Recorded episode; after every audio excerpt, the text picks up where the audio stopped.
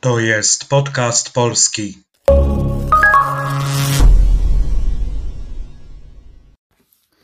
Hello and welcome to the fifth episode of Podcast Polski. For those who are listening us for the first time, just a quick note. Episodes marked as nagłówki contain short headlines with explanations of the words used in them with additional examples. And here's today's headline. Arnold Schwarzenegger ma już 72 lata. Niedawno zdradził, że jest na diecie wegańskiej. Były kulturysta całkowicie wyeliminował ze swoich posiłków mięso i nabiał. Przyznaje, że jedynym niewegańskim produktem, który spożywa, są jajka. So let's go through the words used here one by one. Już, already. Examples, przykłady. Skończyłem już pracę na dzisiaj. Zrobiłem już zakupy. Już późno albo jest już późno. W pytaniach ma ono znaczenie zarówno angielskiego yet, jak i already. Na przykład, czy skończyłeś już to zadanie? Tłumaczymy na angielski Have you finished this task yet? Albo Have you finished your task already? Słowa już używamy też w przypadku czynności teraźniejszych. Wtedy ma ono znaczenie angielskiego just, almost, just about. Na przykład już kończę. I'm just finishing. I'm just about to finish. Może też y, słowo już być używane w odniesieniu do przyszłości. Na przykład, kiedy chcemy podkreślić, że coś nastąpi, kiedy skończymy poprzednią czynność. Przykłady. Kiedy już skończę studia, pojadę do Stanów. Daj mi znać, kiedy już skończysz to robić. Równie dobrze możemy powiedzieć, kiedy skończę studia, pojadę do Stanów. Daj mi znać, kiedy skończysz to robić. E, więc dużej różnicy znaczeniowej tutaj nie ma, jednak używając słówka już, podkreślamy, że akcja będzie skończona. Ma 72 lata. Czasownik mieć. Ja mam, ty masz, on, ona, ono ma, my mamy, wy macie, oni, one mają. Tutaj y, czasownik ten jest użyty w trzeciej osobie liczbie pojedynczej. E, należy pamiętać, że przy określaniu wieku, podając liczebniki, stosujemy różne przypadki. Raz jest to dopełniacz, raz biernik. Tutaj akurat w tym zdaniu ma 72 lata, e, to biernik, ale gdyby Schwarzenegger miał 75 lat, użylibyśmy dopełniacza. E, temu zagadnieniu poświęcę jeden z kolejnych odcinków. Troszkę ta kwestia wymaga dłuższych wyjaśnień. Przejdźmy dalej. Niedawno, lately, recently po angielsku. Na przykład, niedawno skończyłem studia i rozglądam się za jakąś pracą. To było całkiem niedawno. Kupiłem to mieszkanie niedawno, jeszcze je urządzam. Zdradził. Bezokolicznik brzmi zdradzić. Tutaj w znaczeniu powiedzieć, wyjawić coś. Po angielsku to say, to reveal. E, zwykle używamy tego słowa, żeby określić, że ktoś powiedział coś, co było tajne, nieznane, ukrywane. I powiemy na przykład: Marta zdradziła mi swoją wielką tajemnicę. Nie zdradzę tego nikomu.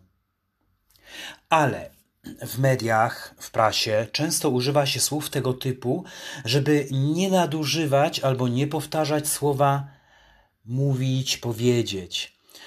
E, e, więc tak naprawdę w tym tekście o Schwarzeneggerze słowo zdradził nie ma takiego znaczenia, wyjawił jakiś sekret. E, po prostu powiedział. Zdradzić ma jeszcze jedno podstawowe znaczenie, po angielsku to betray. Na przykład Marek zdradza swoją żonę. John zdradził ojczyznę. E, przejdźmy dalej. Dieta wegańska. Dieta, diet po angielsku. E, dieta to sposób odżywiania się generalnie. Jeśli chodzi o dietę wegańską, e, wyklucza ona spożywienia mięso i nabiał, wszystko co pochodzi od zwierząt. Przykłady użycia. Jestem na diecie wegańskiej. Dieta wegetariańska bardzo mi służy.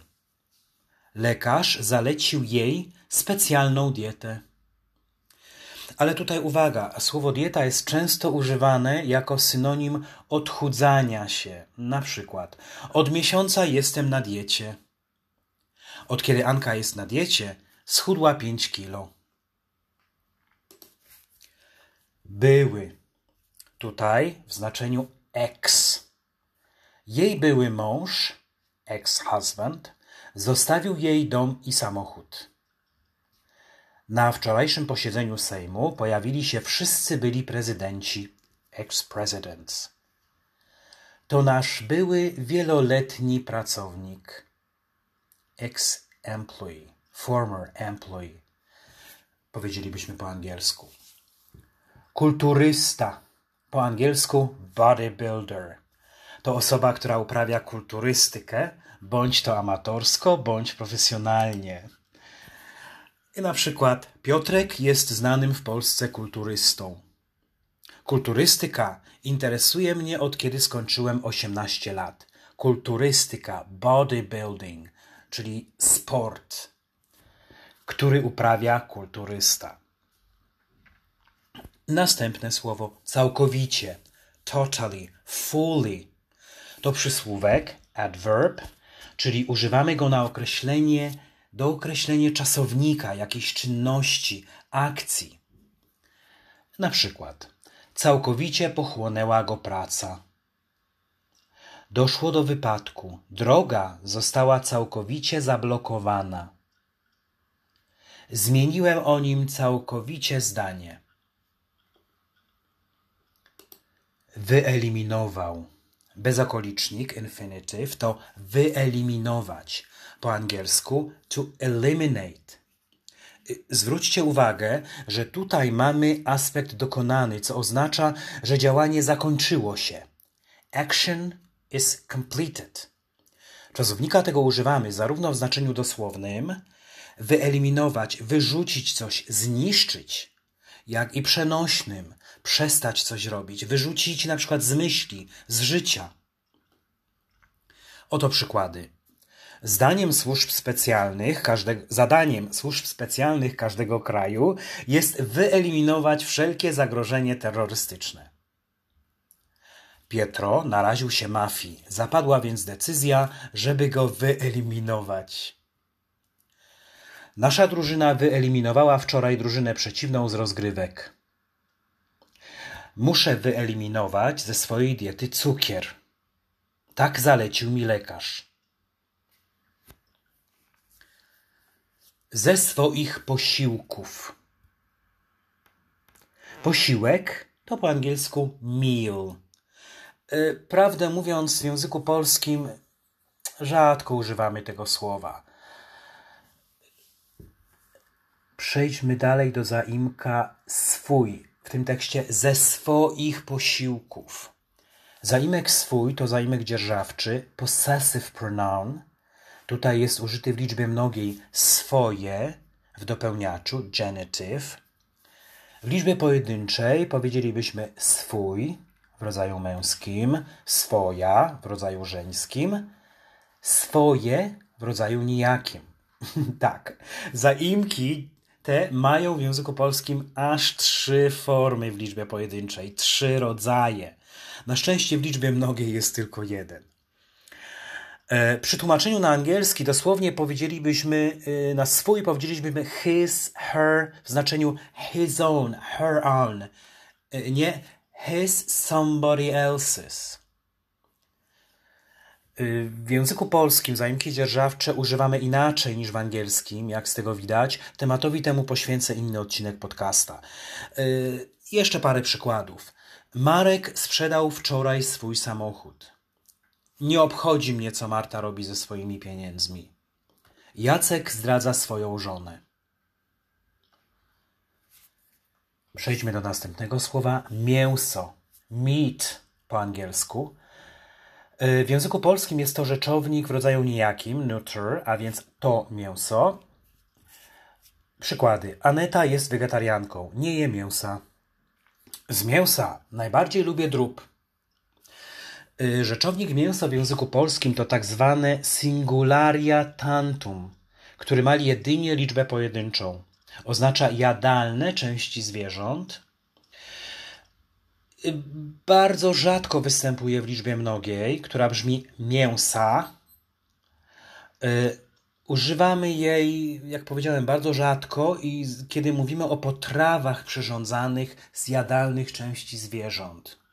Na przykład ta restauracja ma duży wybór dań z mięs. Jednak w mowie potocznej raczej używamy przymiotnika mięsny w tym przypadku. I tak powiemy, ta restauracja ma duży wybór dań, mięsnych. Nabiał, po angielsku dairy products. To ogólne określenie na grupę produktów, które są robione z mleka, na przykład mleko, śmietana, ser biały, ale także na jaja. Tutaj bardziej chodzi o dużą zawartość białka. Mm, kolejne przykłady. Weganie nie tylko nie jedzą mięsa, ale też żadnego nabiału. Idę do sklepu kupić coś z nabiału. E, przejdźmy do kolejnego słowa. Przyznaję. Według słownika języka polskiego to słowo ma trzy znaczenia. Pierwsze, uznać czyjąś rację lub zgodzić się z czymś.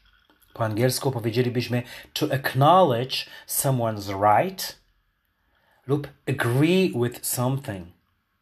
Drugie znaczenie, stwierdzić coś po pewnym namyśle, mm, czasem niechętnie. Po angielsku powiemy to say something after some reflection, sometimes reluctantly. I trzecie znaczenie zdecydować o przyznaniu komuś czegoś. Po angielsku to decide to give or grant something to someone.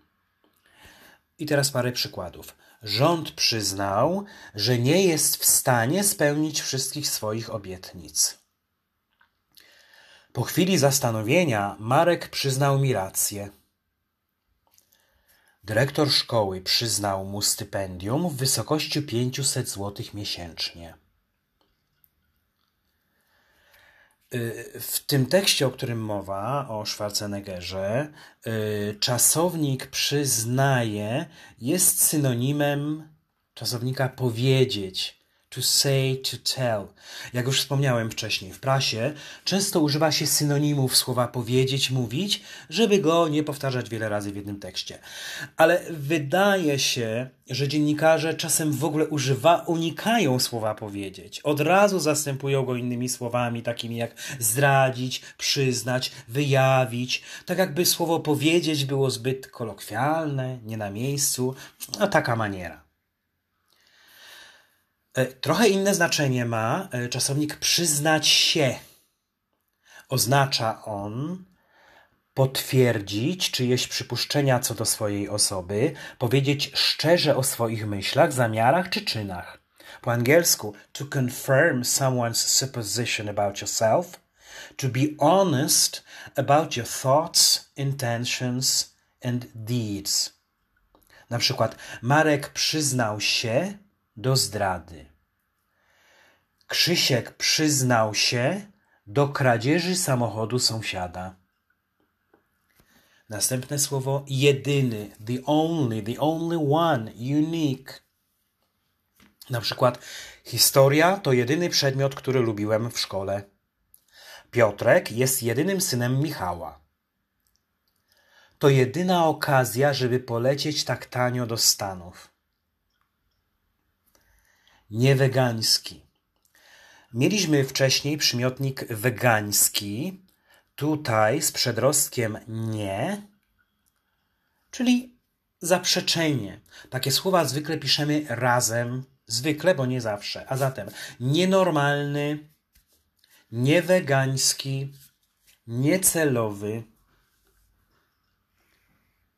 produkt. Po angielsku product. Znaczenie takie samo, Produkty firmy A są znacznie lepsze od produktów firmy B. Y, firma X zaczęła sprzedawać swoje produkty na rynku chińskim. Który? Na angielski możemy to przetłumaczyć jako that, which, who, whom. I na przykład wczoraj kupiłem książkę, którą mi poleciłaś. Mój chłopak to ten, który trzyma w ręce parasol. Spożywa, bezokolicznik spożywać, konsumować możemy powiedzieć, to consume. W języku pisanym zwykle spotykamy to słowo. Niezmiernie rzadko słyszy się je na co dzień w mowie potocznej. Zwykle mówimy jeść, czyli on je. Jajka, eggs. Liczba pojedyncza jajko to rzeczownik w rodzaju nijakim, neutral. E, ma to samo znaczenie co jajo, więc jajo, jajko, jaja, jajka to samo. Przykłady. Zwykle na śniadanie jem jajecznicę z trzech jajek. Jaja ostatnio podrożały. Marek uwielbia jaja przepiórcze. Okay, with the word Yaika, we've finished this episode. I hope you liked it. Please listen to it several times to memorize the vocabulary and try to build your own sentences. And just a quick reminder the podcast is available here on Anchor, on Spotify, Apple Music, Overcast, and Breaker. It soon will be available on Google Podcasts and other platforms. You will find all the links on Anchor page of the podcast and also on my blog podcastpolski.blogspot.com and on the related Facebook page. Subscribe or follow not to miss new episodes. And if you're interested in one on one lessons or in practicing speaking, I offer lessons on italki. In my opinion, the best platform for learning languages. I personally use it for practicing uh, Italian and Arabic. Uh, if you want to see details, just click the link I provide here or look for it on Podcast Polski blog. Uh, thank you for listening. Dziękuję za uwagę. Do usłyszenia.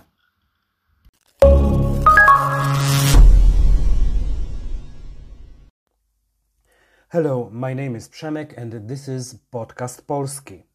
For those who are listening to us for the first time, just a quick note. Episodes marked as nagłówki contain short headlines with explanation of the words used in them with additional examples. Here's today's headline. Pogoda na weekend 5 i 6 października. Spory spadek temperatury w weekend. W nocy pierwsze przymrozki. Pogoda, po angielsku weather.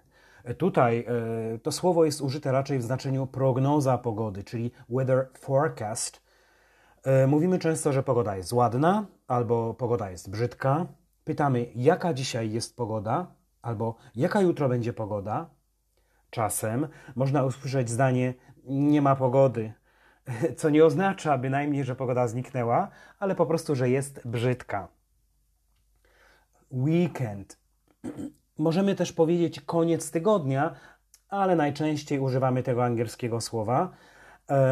Ono już na tyle zadomowiło się w języku polskim, że odmieniamy je według polskich zasad. Ma też liczbę mnogą, która brzmi weekendy, a nie weekends.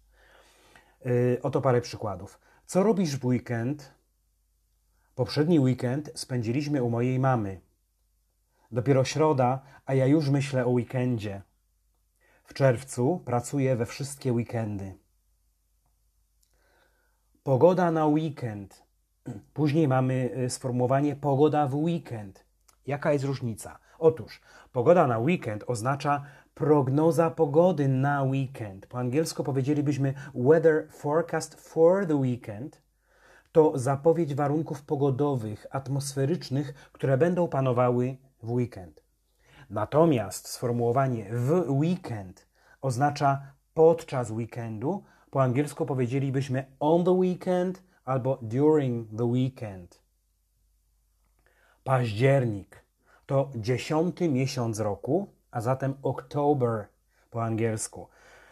Pamiętajmy, że liczebniki rządzą w języku polskim dopełniaczem genitive in English, a zatem 5 października, 7 października, 7 września, 10 marca i tak dalej.